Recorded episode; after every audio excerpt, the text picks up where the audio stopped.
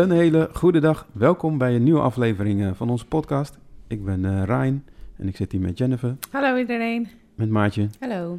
En we hebben een bijzondere gast, pastor De Sen. Goedemorgen. Welkom. En eh, vandaag gaan we het hebben over eh, complottheorieën. En eh, als eerste zou ik graag eh, onze gasten willen introduceren. Want eh, ja, ik zeg uh, Pastor de Zen. Daarmee bedoelen we onze voorganger uit onze kerk eh, in Zwolle. Eh, we hebben namelijk eh, een kerk hier in Zwolle en eh, u bent de voorganger daarvan. En we hebben u uitgenodigd om, om te komen praten over dit onderwerp. En, Ja. om het onderwerp even kort te introduceren. Is het zo dat, ja, wat betekent nou eigenlijk eh, complottheorie of wat, wat is het nou eigenlijk? Dat doen we meestal en als je daarnaar kijkt dan zie je dat het iets is wat eigenlijk voorkomt uit een bepaalde achterdocht. Hebben het idee dat een bepaalde verschijnsel, dat kan dan iets sociaals zijn, iets politieks of iets economisch, of, eh, maar dat dat het gevolg is van een hele grote samenzwering. Eh, dus dat er een bepaalde groep is die iets samenzweert en dus een complot bedenkt eh, ja, tegen, noem het maar op. Nou, daar zijn heel veel voorbeelden van, zoals de maanlanding, Elvis die misschien nog leeft en ergens rondloopt, maar ook corona natuurlijk. Daar is het een en het ander aan complottheorieën. Herkent u dit, pastor? Ja, kijk, eh, laten we dit beginnen te zeggen van, eh, er zijn complottheorieën omdat er ook complotten zijn. Ja. Dus dat is even een hele belangrijke, we leven in een, een, een, een- wat de Bijbel noemt een gebroken wereld, een gevallen wereld. Dus er zijn bedrijven die misbruik hebben gemaakt. Er zijn regeringen door alle eeuwen heen die soms bewust dingen verkeerd hebben gezet, ge- of hebben gedaan, hebben verzwegen. Dus dat, laten we daarmee beginnen. Er zijn inderdaad complotten en het is ook waar. Er zijn zeker de afgelopen jaar zijn er heel veel complottheorieën eh, bijgekomen. Het is actueler eh, dan, eh, dan ooit, durf ik wel te zeggen. Ja. Ja. Ja, en ehm, hoe, hoe, hoe kan dat eigenlijk? Of hoe, hoe denkt u dat dat zou komen, dat het nu heel eh, groot is? Ja, als je gewoon kijkt wanneer waren nou de vorige complottheorieën. eh, je noemde al de maanlanding en Elvis. Ze zijn er wel meer op Paul McCartney van eh, de Beatles. Die zou eigenlijk een dubbelganger hebben. En, eh, Ja. Is van alles en nog wat te vinden. Maar in zijn algemeenheid zie je eigenlijk in tijden van crisis... of tijden van een aanslag, bijvoorbeeld 11 september... tijden van een oorlog of een ramp... dat mensen dan in één keer beginnen na te denken... hé, maar hoe, kan dit nou allemaal? En mensen zijn op zoek naar antwoorden... en vertrouwen ja, vaak de regering niet. Of de kranten, noem maar op. Ja. wantrouwen, dat het daar vandaan komt. Ja, Ja. en dan vaak is er dan al een bepaald wantrouwen. En dan gebeurt er iets heel bijzonders, wat niemand zag aankomen. Hè, 11 september had ook niemand verwacht. En als je dat gaat bekijken, dan zou je bijna geloven dat de Israëlieten het gedaan hebben, of eh, de, de Amerikanen. Oh, Er zijn ja. allemaal ideeën over. En eh, dat gaat eigenlijk heel ver, moet ik zeggen. Ja. Ja. Ja, dus eigenlijk eh, het de complotdenken, dat komt, stamt er, komt ergens vandaan, maar soms ook misschien, eh, omdat in het verleden, wat u al zegt, wel dingen geweest zijn die echt complotten zijn eh, geweest. Maar wat is dan het gevaar hiervan? Ja, nou, ik zal een, een, een, historisch voorbeeld geven. Ja. In de 14e eeuw, toen waren er, was op een gegeven moment de Zwarte Pest, of de Zwarte Dood, de pest was daar. En dat betekende, terug gaat kijken, dat zo'n 25 tot 50 procent van de mensen stierven. Dus, eh, ja, daar valt corona nog wel mee, zeg maar. Zo. Enorm veel doden. En toen was het vraag, maar waar komt dat nou vandaan? Toen viel het mensen op dat de Joden eh, minder sterfgevallen hadden. Eh, wij weten ondertussen het belang van eh, hygiëne en al die dingen meer. Maar goed, het hele besef van bacillen, virussen, dat was het Ja. toen helemaal niet. En toen kregen de Joden kregen de schuld. Zo. En eh, er zijn echt ja, tienduizenden of honderdduizenden zijn er vermoord.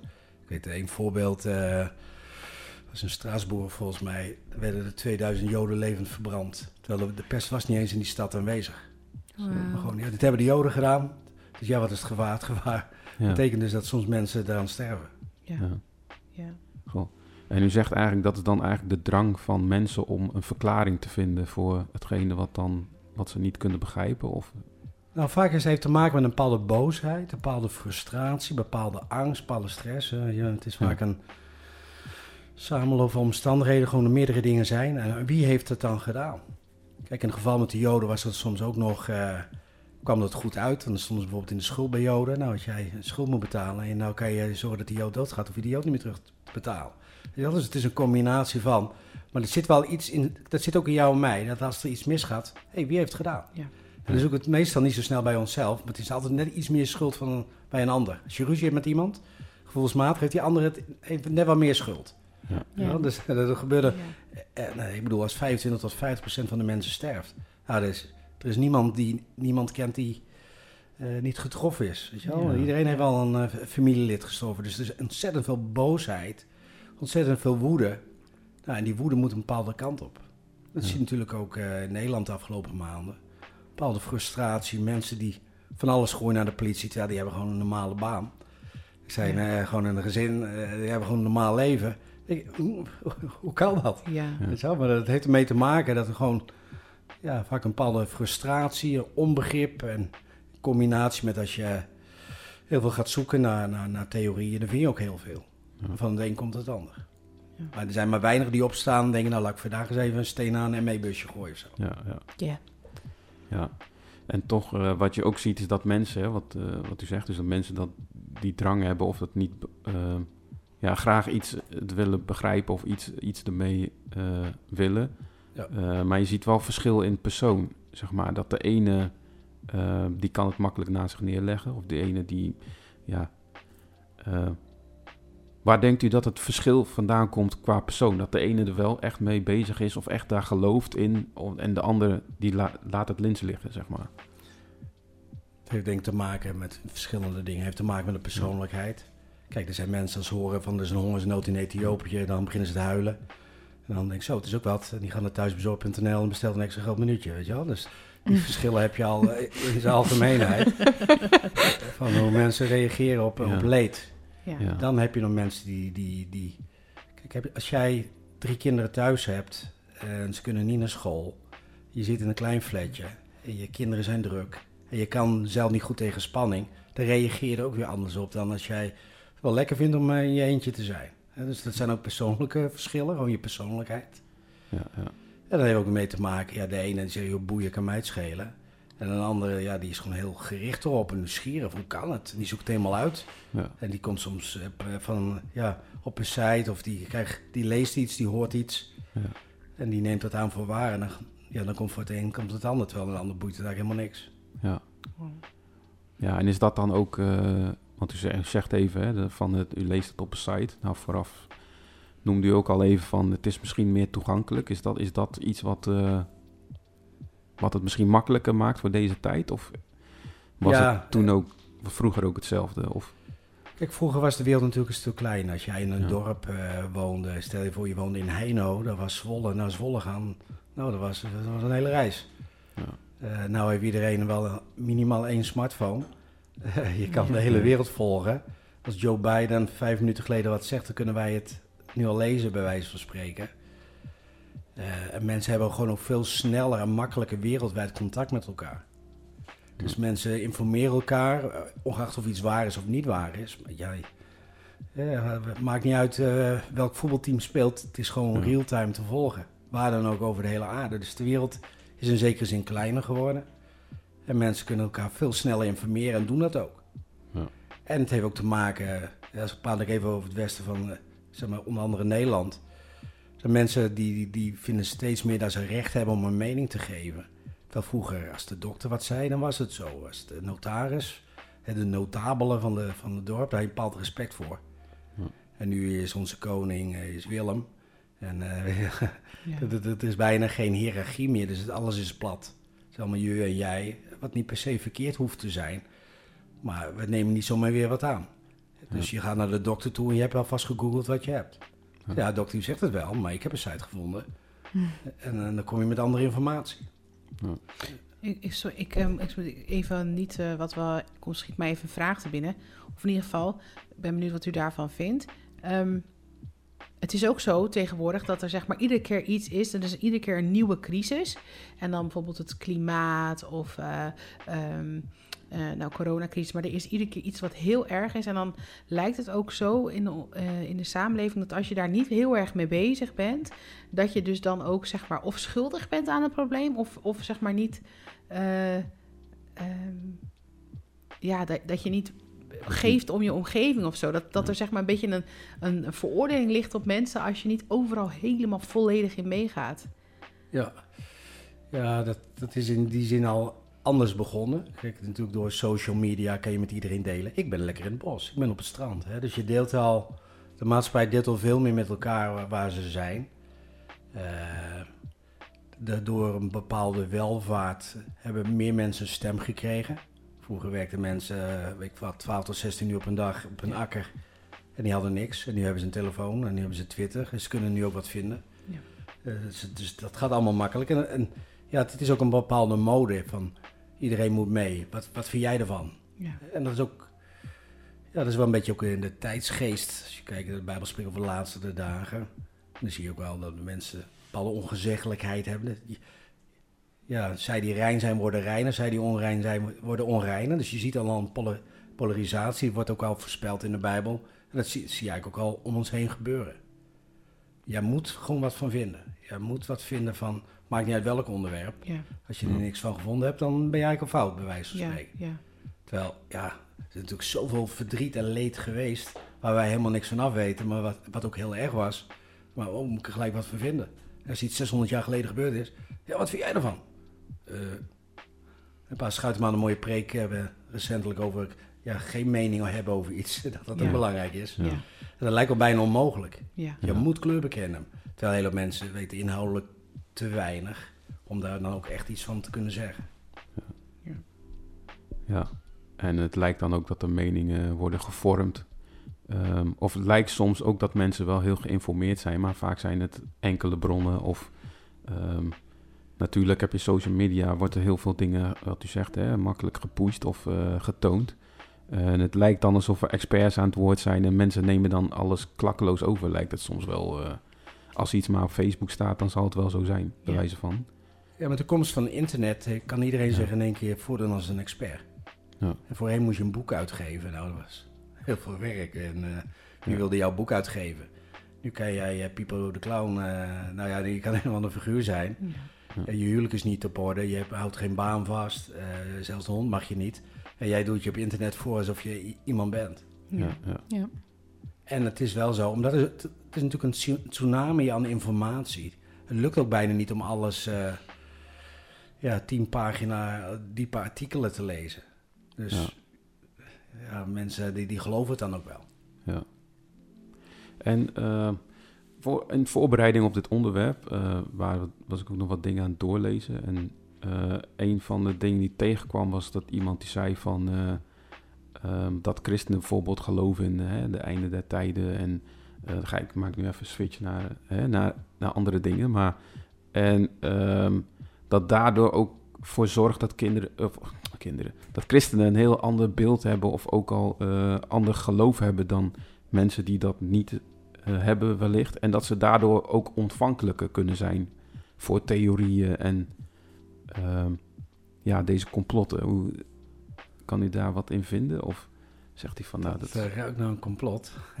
Ja. Zij die geloven dat we afstammen van een aap, die zijn dus slimmer dan, dan wij. Hè. Ja, ik, ik denk daar het volgende van. Ik denk dat, eh, dat christenen zijn niet per definitie eh, meer bezig met complotten. Ja. Als je kijkt naar complottheorieën, de, een van de, de, de oorzaken is, is dat je geen vertrouwen hebt in media, in de overheid, omdat ze gewoon heel anders denken. Ja. Dus dit is natuurlijk wel een punt. Als je als christen kijkt naar het Nederlands kabinet, en dan boffen we heus dan wel. Er zijn natuurlijk heel wat regeringen in de wereld te vinden die het slechter doen. Het kan wel zijn dat je minder hebt met een bepaalde regering. Of je kijkt naar de media, die promoten levensstijl, promoten normen en waarden waar je niet mee eens bent. Nou, het is in datzelfde rijtje waar je als christen op een gegeven moment kan denken, maar dit klopt niet. Dus de overheid die dit beweert, die beweert ook nu in één keer iets heel anders. Ja, maar ik geloof ze niet in het ene gebied, moet ik ze nou wel geloven in het andere gebied? Het is niet zo dat per definitie dat een christen er meer mee bezig is hoor. Dat, ik heb niet het idee dat zoals hier allemaal christenen zijn die eh, aan het demonstreren zijn en eh, helemaal losgaan tegen de politie. Nee. Ja. Nee. Nee, dat snap ik. Ehm, als we kijken naar complottheorieën zelf, is het zoiets van... eh, eh, van deze tijd alleen? Dan zegt van vroeger ook wel, maar kun je het ook terugleiden aan de Bijbel bijvoorbeeld? Nou, ik denk het bekendste voorbeeld is natuurlijk de opstanding van Jezus. Ja. En toen zei nee, ze hebben, eh, die christenen hebben de Romeinse soldaten omgekocht. En eh, ze hebben het lichaam meegenomen. En nou, dat, is een, dat is ook wat de Bijbel zegt. Dat, dat is het verhaal wat rondging in die tijd. Van Jezus is helemaal niet opgestaan uit de dood. Dus eh, het is iets van, van alle tijden hoor. Dat, eh, alleen wat ik zeg, de wereld is kleiner geworden. Dus, en mensen hebben ook meer tijd. Hè? Als je vroeger 16 uur moest werken of 12 uur moest werken. Dan ging je thuis eten, je viel bek af op je bed en je ging slapen. Ja. Iedereen sliep om 8 uur 's avonds. En eh, tegenwoordig hebben we uren over. Nou, dan ga je wat kijken en dan ga je wat lezen en dan ga je ook wat vinden. Maar in bijbelse tijden was het er zeer zeker ook. Alleen de, de gewone man had minder te zeggen. Ja. Die had een bepaalde leider. Of, kijk, als de koning zijn duim naar beneden deed, dan ja, kon je lid zijn van de vakbond. Wij spreken, ja, dat was een pech. Ik zeg, heb heel veel zegeltjes. Het maakt allemaal niet uit. Als de koning zegt het is over, dan is het over. Ja. Je? Dus je, je moest ook wel voorzichtiger zijn met je mening. Er werd niet om gevraagd. Het is ook helemaal niet zo lang geleden, ook in de middeleeuwen in Nederland. Eh, de gemiddelde persoon die had niet zo vaak vlees. Dat was er gewoon niet. Want vlees was op de landerijen van hertogen, van de adel, zeg maar. Nou, je kon niet zomaar een konijntje strikken. Er stond de doodstraf op. Ja, dus het is, het is iets van alle tijden, want het zit gewoon in het hart. Ja. Het is vaak een vermenging van waarheid en leugen. Dat is natuurlijk al hoe de slang tot, eh, tot Eva kwam. Hey, heeft God niet gezegd? Nou, dat had God niet gezegd, maar deels wel, maar deels ook niet. Ja. Eh, dat zie je vaak met complottheorieën. Ja, deel is ook wel waar, maar een deel is ook niet waar. Ja. Dat, dat maakt het spannend. Eh, Ik heb vragen. Eh, je ziet met mensen zo dat het heel. ehm je noemde net al even boosheid en eh, woede of eh, angst.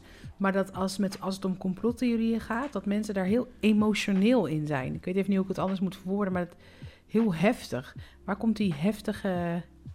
he- mensen zijn. Ja, als je er niet mee eens bent, maar ook mensen die er wel in zitten. Maar het is, heel he- het is een heel heftig onderwerp. Ja, kijk, dat is er bij de ene roept het meer emoties op dan de ander. Ik heb nog niet veel bedreigingen gehoord omdat iemand zei dat Elvis nog leefde of dat er welke bouten zijn of ufo's. Wel, dus dat, kijk, dat is, we leven toch wel met bepaalde beperkingen. En dat roept wel emoties op en dat duurt gewoon heel lang. Ja. Dus hoe langer het duurt, hoe meer je beperkt wordt, hoe heftiger de, ook de reacties zullen zijn. Mhm. Dat zie je nu ook wel, mensen houden zich bijna niet meer eraan. Het idee kan me er niet meer aan houden. Dus stel nou we weer helemaal terug moeten in een lockdown.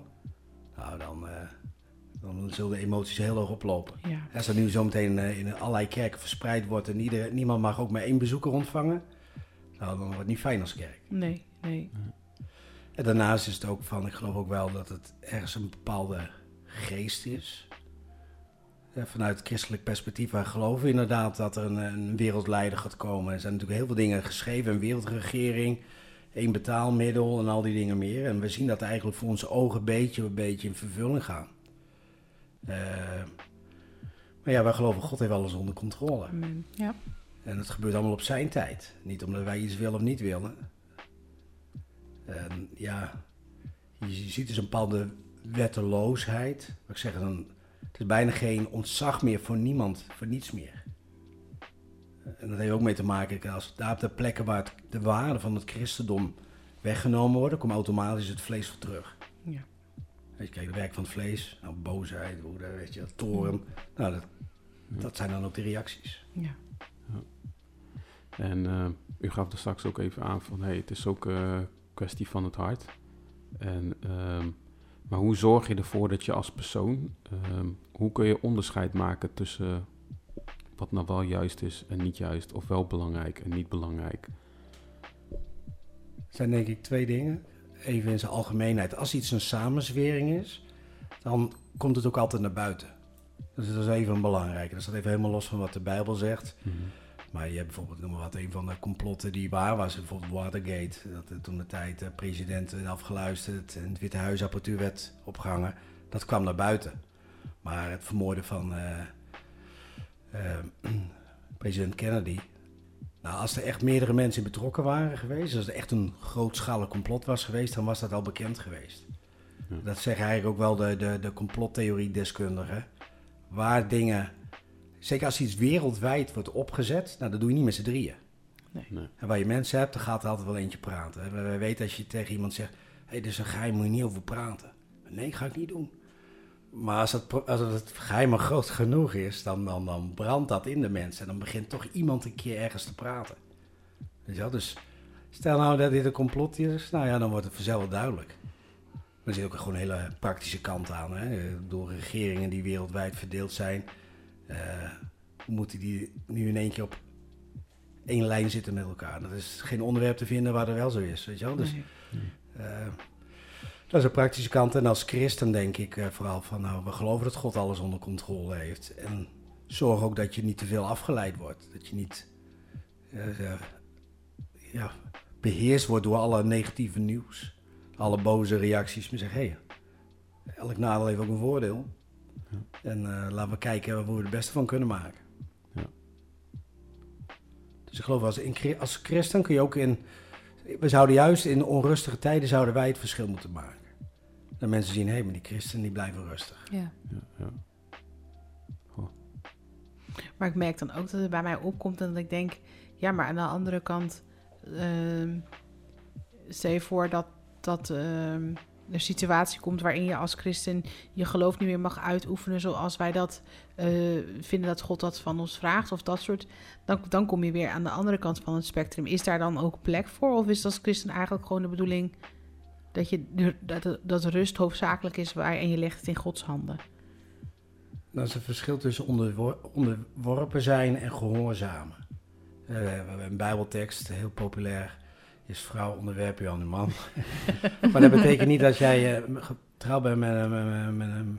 Ik zal het even netjes zeggen op deze podcast, maar met iemand die niet zo'n goede man is. Dat je zegt, ja, maar nou, dan moet ik maar aan mijn man gehoorzamen. Weet je wel, er, er zitten grenzen aan. Ja. Nou, is, ook, is het ook als christen. Als je als christen, stel het is de Tweede Wereldoorlog, je hebt eh, twee Joden verstopt ergens op zolder en eh, de, de, de Duitsers bellen aan. Heeft hij ook nog eh, Joden in huis? Ja, die zitten boven op zolder. Ja, moest je toch... Mag niet liegen. Eh, dus er zit, je moet eerst ten eerste God gehoorzamen. Ja. Maar er zijn wel grenzen aan, eh, aan onze gehoorzaamheid ten opzichte van de regering. Maar ja, in mijn beleving is die er nu helemaal... Dat is niet is nog helemaal- niet in vragen. Nee. Pas alleen nog met iemand over. Ik zeg, eh, als jij niet je vingerafdruk op je paspoort wil, dat betekent dat, dat je niet kan vliegen. Ieder land verwacht gewoon een paspoort. Of de Nederlandse overheid, die zegt, je hebt pas een paspoort met je vingerafdruk. Ah, dat is gewoon een gegeven. Ja. En dat was al jaren, daar heeft niemand voor gedemonstreerd, of tegen gedemonstreerd. Ja. Als kinderen niet ingeënt worden, nou, sommige kinderdagverblijven zeggen, nee, dat willen we ze niet. Dus ja, er zijn al heel veel restricties als je iets niet wil. Ja. Ja. Oké. En ehm, ja, ik denk dat ook, eh, ik denk dat ook mensen om ons heen misschien wel eh, hier, hiermee te maken hebben. Hè? Want ik snap dat u zegt van, hey, je kan zelf als christen eh, het verschil maken door gewoon rustig te blijven. en Misschien gewoon te focussen op de dingen die, die wel belangrijk zijn. Ehm, hoe kan je... Hoe kan je ermee omgaan als je in je omgeving? Nou, dat kan een vriend zijn, kan familie zijn, dat kan collega, noem het maar op. En dat kan van ver af naar dichtbij. Ja. Ik denk dat het verschillend is. Hè? Kijk, de ene christen kan er beter mee omgaan dan de ander. Er zullen heus wel christelijke moeders zijn eh, die eh, de handstand deden toen de kinderen weer naar school konden. Weet je wel, dat het gewoon allemaal wel zo druk was. Maar ik denk, je kan het verschil maken door, door een bepaalde rust uit te stralen. En te zeggen van nou, ik snap niet alles. Het is ook niet me alles eens ben. Maar er zit een God op de troon. Die heeft alles onder controle. En eh, ja, je gebruikt je verstand. Hè? Het is niet zo dat ik zeg, nou, de overheid heeft altijd gelijk en laten we wel hun slaafs volgen. Mhm. Nee, je gebruikt gewoon je verstand. Eh, je kan wel een verschil maken door, door ja, juist te spreken over een rust die je kan krijgen in God. Het is net zoals iemand in de gevangenis zit. Nou, je kan in de gevangenis zitten en toch vrij zijn. En je kan buiten de gevangenis zijn en ontzettend opgesloten zitten. Nou. Even diepe opmerking, maar, maar zo werkt het eigenlijk ook wel in coronatijd. Dat je, je zou ook willen dat het anders was. Ik mis als geen ander gewoon het samen zijn in de kerk en met elkaar en het praten. Maar goed, het is nu niet zo. En je leert er ook weer dingen van. Dus, elk voordeel even nadeel en elk nadeel even voordeel. En dat denk ik als christen. Nou, maak er gewoon het beste ervan. Ja. Biedt ook altijd weer mogelijkheden. Ja. Deze podcast was er niet geweest als we geen corona hadden. Denk ik. Ja, Ja, dat ja, klopt. Dus, eh. Nou, prijs de heer. Ja. ja. Ja, dus eigenlijk echt weer... eh, ja, ik, ja, ik zit ondertussen zelf ook over na te denken van... eh, het is dus echt de keuze die je zelf maakt. En dan kom je misschien toch weer op dat, wat u daar straks zei... dat je eigen hart, of dat je zelf... Het is maar net hoe je zelf erin staat eigenlijk. En wat voor keuzes je inmaakt om... eh, eh, ja, Hoe, je, hoe je hiermee om kan gaan. Kijk, ik weet ook wel, we zijn mensen, als mensen zijn we niet zo stabiel als we zouden willen zijn. Ja. Eh, het is niet zo van, nou als christen, dan eh, ben je een soort emotionele flatliner en alles altijd Ja. onder controle. Dat is ook niet zo. Ja. Dus ook als christen kan je de muur op je afvliegen en je kan het helemaal gehad hebben. Al die dingen meer. Maar het is meer even het grote geheel. Want als je kijkt naar de zeven dagen in de week, is mijn ervaring, zijn zeker zes van de zeven dagen zijn er mooie dagen. Mhm. Maar zit er altijd een mindere dag tussen. Nou, waar kijk je dan naar? Kijk je dan naar die ene dag dat het minder ging? Of kijk je nou, maar het grote geheel was het mooi. Ja. Nou, dat is het meer. Ja. Ik, als ik kijk naar eh, christenen die, eh, die verdrukt worden in Noord-Korea of in eh, Ja. allerlei landen, denk je, ja, pff, waar hebben wij het dan over, weet je wel? Maar, Ja, ja, ja. dus je moet wel in staat zijn om het grote geheel te kunnen zien. Ja. Wij moeten het eigenlijk als christen... We zijn natuurlijk na de Tweede Wereldoorlog allemaal opgegroeid... en een bepaalde rijkdom, een bepaalde voorziening gehad. We hebben beter dan koningen in de middeleeuwen, hè? Die hadden geen centrale verwarming, die hadden geen schoon water... die hadden geen koelkast, al deze dingen meer.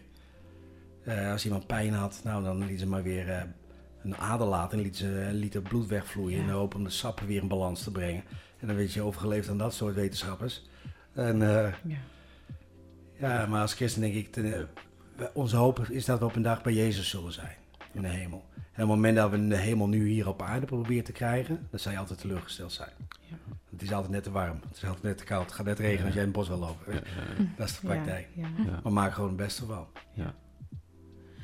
En als eh, een familielid, want eh, het is ook wel een beetje een tragische kant aan complottheorieën, waarin mensen die heel erg openstaan voor allerlei eh samensweringen, dat overal gaan zien, dat dan ook in de kerk gaan zien. Of in, eh, dat, in hun, dat het invloed heeft op hun geloofsovertuiging, of dat ze bepaalde, nou ja, best wel heftige keuzes erop maken. En stel je voor dat dat in jouw omgeving gebeurt, of dat. Hoe zorg je ervoor dat dat niet op jou nou ja, overslaat? Of dat je daarin dan nog steeds onderscheid kan maken. Omdat mensen ook echt wel kunnen veranderen op het moment dat ze het heel erg toelaten om zich te richten op complot- complottheorieën. Ja, helemaal mee eens. Maar eigenlijk denk ik zou je het iets breder moeten trekken. Het heeft er gewoon te maken als iemand extreme standpunten inneemt. Ja, Stel voor, je hebt een familielid die wordt in één keer neonazi. Nou, daar ga je ook wat van vinden. ja, je Of stel iemand die, eh, die is anti-God of anti-de kerk. Nou, dan ga je er ook wat van vinden. Mhm. Dus zo, ja, ik zou dan ook zeggen... Kijk, het ligt een beetje aan op wat voor manier. Hè. Zit je in een familie-appgroep en een familielid die, die stopt de ene waanzinnige video naar de andere erin. Mhm. Nou, dan zou ik buiten zo'n appgroep om een keer met diegene gaan praten. Weet alsjeblieft niet doen. ja, Dus dan zie je mensen uit zo'n appgroep gaan. Dan ontstaat er toch een bepaalde verdeeldheid. ja, Nou, dan kun je ergens de, de, de vrede brengen zijn. Het is met respect benader je iemand die vraagt gewoon om het niet te doen. Maar je moet ook gewoon zelf je eigen grenzen bewaken. Als iemand je de hele tijd... Dus stel iemand heeft kritiek. En dit is niet waar, dat is niet waar. Nou, tenzij jij aangeeft, stop, ik wil niet meer horen, zal diegene doorgaan. Ja. Dus eh, ik ben wel voor de proactiviteit hoor. Ik kan dan wel bidden, heer, laat diegene stoppen met die appjes. Nou, dat, dat is waar, maar je kan het ook gewoon zelf zeggen. ja, ja, Ja. ja. Ja. Maar er zit ook wel een bepaalde wijsheid in dat u zegt van dat je het buiten houdt. Ik weet bijvoorbeeld een, eh, een, eh, iemand die heel dicht bij mij stond, die kreeg in één keer hele andere denkbeelden over, over bepaalde dingen in het geloof. En we hadden met elkaar gesproken en op een gegeven moment was ik helemaal de kluts kwijt. Ja. En toen eh, heb ik eh, destijds met mijn vader erover gehad en die bracht echt weer rust. En toen zei mijn vader van ja, je moet nu echt heel duidelijk ook daar dan niet over praten als dat gewoon voor jou heel veel onrust brengt en heel veel onduidelijkheid. En Ja. eh, natuurlijk niet zo dat ik niet, eh, dat we nooit een kritisch gesprek kunt hebben of zo. Maar ik, ik moest mezelf daar gewoon echt voor afschermen. En ik merk het dat nu bijvoorbeeld met nieuws, dat het ook mezelf gewoon voor afscherm. Dat ik gewoon weet van, dat gaat bij mij op een gegeven moment, komt het op een kookpunt, omdat ik gewoon dan niet meer weet wat, eh, dat is denk ik helemaal niet zo heel erg om dat gewoon te doen. Van, hé, hey, ik, ik- bepaalde dingen laat ik niet toe of zo. Nou, dat, dat is gewoon ook heel belangrijk. Kijk, soms hebben mensen het idee als christen moet je alles maar slikken, weet je wel. Een soort eh, voetveeg, een soort eh, deurmat. Iedereen zijn voeten op je af mag vegen. Maar Ja. dat is helemaal niet wat God van ons vraagt. Nee. Dus als mensen mij lastig vallen met wat voor extreme gedachten dan ook, nou, dan geef ik wel aan van luisteren. met, met beleid en met respect. En probeer in te schatten wie het is, Ja. weet je wel. Ja. Dus het is, je hebt echt wijsheid nodig, het is maatwerk. Maar het is wel goed om te zeggen, luister, dit moet ik gewoon niet horen. Mhm. Zeker als je weet dat het inderdaad invloed op je heeft. Ja. Mhm. Dat je denkt, nou, eh, waar is de rust van Jezus dan? Ik voel me helemaal opgejaagd. Ik ben, eh, pff, man, ik- weer ellende, weer ellende. hè. Sommige eh, christenen zijn er gevoeliger voor dan de anderen. Nou, neem dan ook een bepaalde beslissing. Zeg, nou, stop. Ik ga nu even vast op een andere manier. Niet zozeer Ja. met eten, maar even dat die informatie niet tot mij komt. Ik richt me op Jezus. Ik ga daar mijn rust vinden. Nou, dan denk je weer bij en dan sta je weer sterker. Of je Mhm. praat met iemand over die je kan helpen. Ja. Dat lucht ook vaak op. Ja. Ja, top. Mooi, wat zou u als laatst nog willen meegeven aan iemand die dit luistert en eh, of zelf eh, hierin zit of in zijn omgeving of ja, u heeft al aardig wat genoemd. Maar, Ja, ik zou, eh, ik, ik zou dit zeggen even tot, eh, tot eh, de christenen. Laten we doen waar Jezus ons toe geroepen heeft. Weet je wel, want er zijn natuurlijk van alles is te bedenken. Je kan zeggen, ja, maar hoe zit het met, eh, met eh, etenswaren? Is daar mee geknoeid? Ja, ongetwijfeld is er mee, mee geknoeid bij sommige bedrijven. Noem maar even wat. Mhm. Maar moet ik dan als christen daar al mijn tijd in stoppen om erachter te komen dat er een gram te veel suiker in zit? Noem maar wat. Nee, zeg maar als christen, ik heb ook weer andere dingen. Mhm. Dus ja, er zijn complotten in deze wereld. Maar toen Jezus de grote opdracht gaf, was het niet van nou, we beginnen een soort detective bureau dat je alles wat fout is in deze wereld kan opsporen. Dus Nee, dat leidt alleen maar van die grote opdracht. Verkondig het evangelie, leef als christen, leef het voor. Mhm. Heb je vijanden lief. Wees goed voor mensen. En het is ook, eh, de, ja, dat is mijn persoonlijke ervaring nog wel eens, dat zij die, die heel druk bezig zijn met, eh, met mensen bereiken, met het evangelie, eh, die druk zijn met nazorgen, mensen verder helpen in het geloof, vaak hebben die veel minder tijd en zijn ook veel minder bezig met allerlei complottheorieën. Dan zij die iedere avond gewoon thuis twee, drie uur zitten te kijken op YouTube en weer een site en weer een site. Ja. Richt je op een ander. Vaak is dat wel eh, het meest gezonde. Er zijn zoveel noden in deze wereld. Mhm. Zoveel mensen eenzaam. Ja, kan er niet heen. Nou, maar je kan wel op een andere manier. Je, je hebt nog nooit zo makkelijk iemand kunnen bezoeken. Via WhatsApp of via whatever. Ja. dus gebruik het dan ten goede. ja, Dus dat is een, eh, belangrijk iets. En wat ik zeg, het is ook gewoon een hele nuchtere kant. Hè? Dat als iets een complot is, dan wordt het altijd weer bekendgemaakt. Ja. En dat betekent ook dat we een bepaald vertrouwen moeten hebben. Nou, als iets niet deugt, dan komen we er vanzelf ook weer achter. In de tussentijd, God zit op de troon. Eh, doe wat je moet doen als christen. Eh, zorg dat je niet te veel afgeleid wordt, depressief wordt. Nee, we proberen juist het licht in de duisternis te zijn. In de tijden van de Tweede Wereldoorlog, als ik lees over een Corrie ten Boom, was dan een vrouw die, eh, die Joden hielp en eh, de mensen die op de vlucht waren, gezocht werden. Ze, ze zorgden dat ze bij hun thuis gestopt konden worden. Nou, die mensen maakten het verschil in de moeilijke tijden. Ja. En die mensen die allemaal aan het klagen waren over de Duitsers, ja, wat, wat voor verschil hebben die nou gemaakt? We Ja. wisten wel dat dat niet klopte.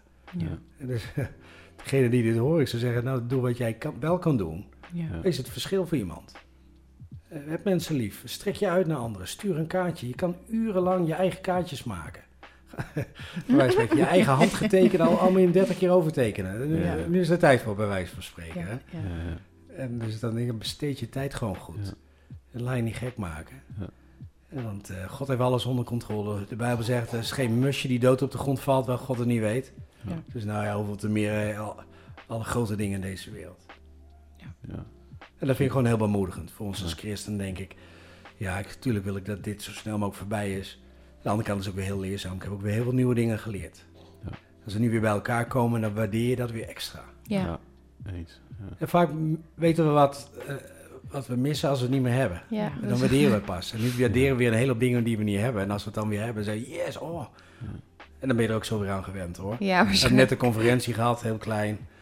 Nou, ondanks dat hebben we toch het beste ervan gemaakt. Maar ik kan me voorstellen, de eerste keer dat we weer met nou, 1200 mensen bij elkaar zitten, dan voelt het heus wel onwennig. Ja. Wow, dit is even anders. maar dan weet ik ook weer weer, als Jezus uitblijft en eh, we zijn een paar jaar verder. Ja. Oh, je weet je nog, toen? Ja. En dan is het gewoon iets uit het verleden. Dan zijn we het ook wel weer een soort van vergeten, als het ware. Ja. Top. Nou, super. Nou, heel erg bedankt voor, uw, eh, voor uw komst. Ja, graag gedaan. Bedankt voor de Ja. uitnodiging. Ja, voor uw toelichting allemaal. En eh, ja, ik hoop dat, eh, dat je hier eh, wat mee kan als luisteraar. En eh, Eh, ja, bedankt voor het luisteren sowieso. Eh, mocht je nog vragen hebben of dingen willen eh, weten of opmerkingen hebben, toevoegingen. Of je wil graag dat we een ander onderwerp gaan bespreken nog. Je hebt een mooi idee. Geef het aan ons door. Je kan ons appen. Eh, je kan ons ook altijd mailen via de deurpodcast.gmail.com. Voor nu nogmaals heel erg bedankt voor het luisteren en tot de volgende keer. Dag. Doei doei. Doei.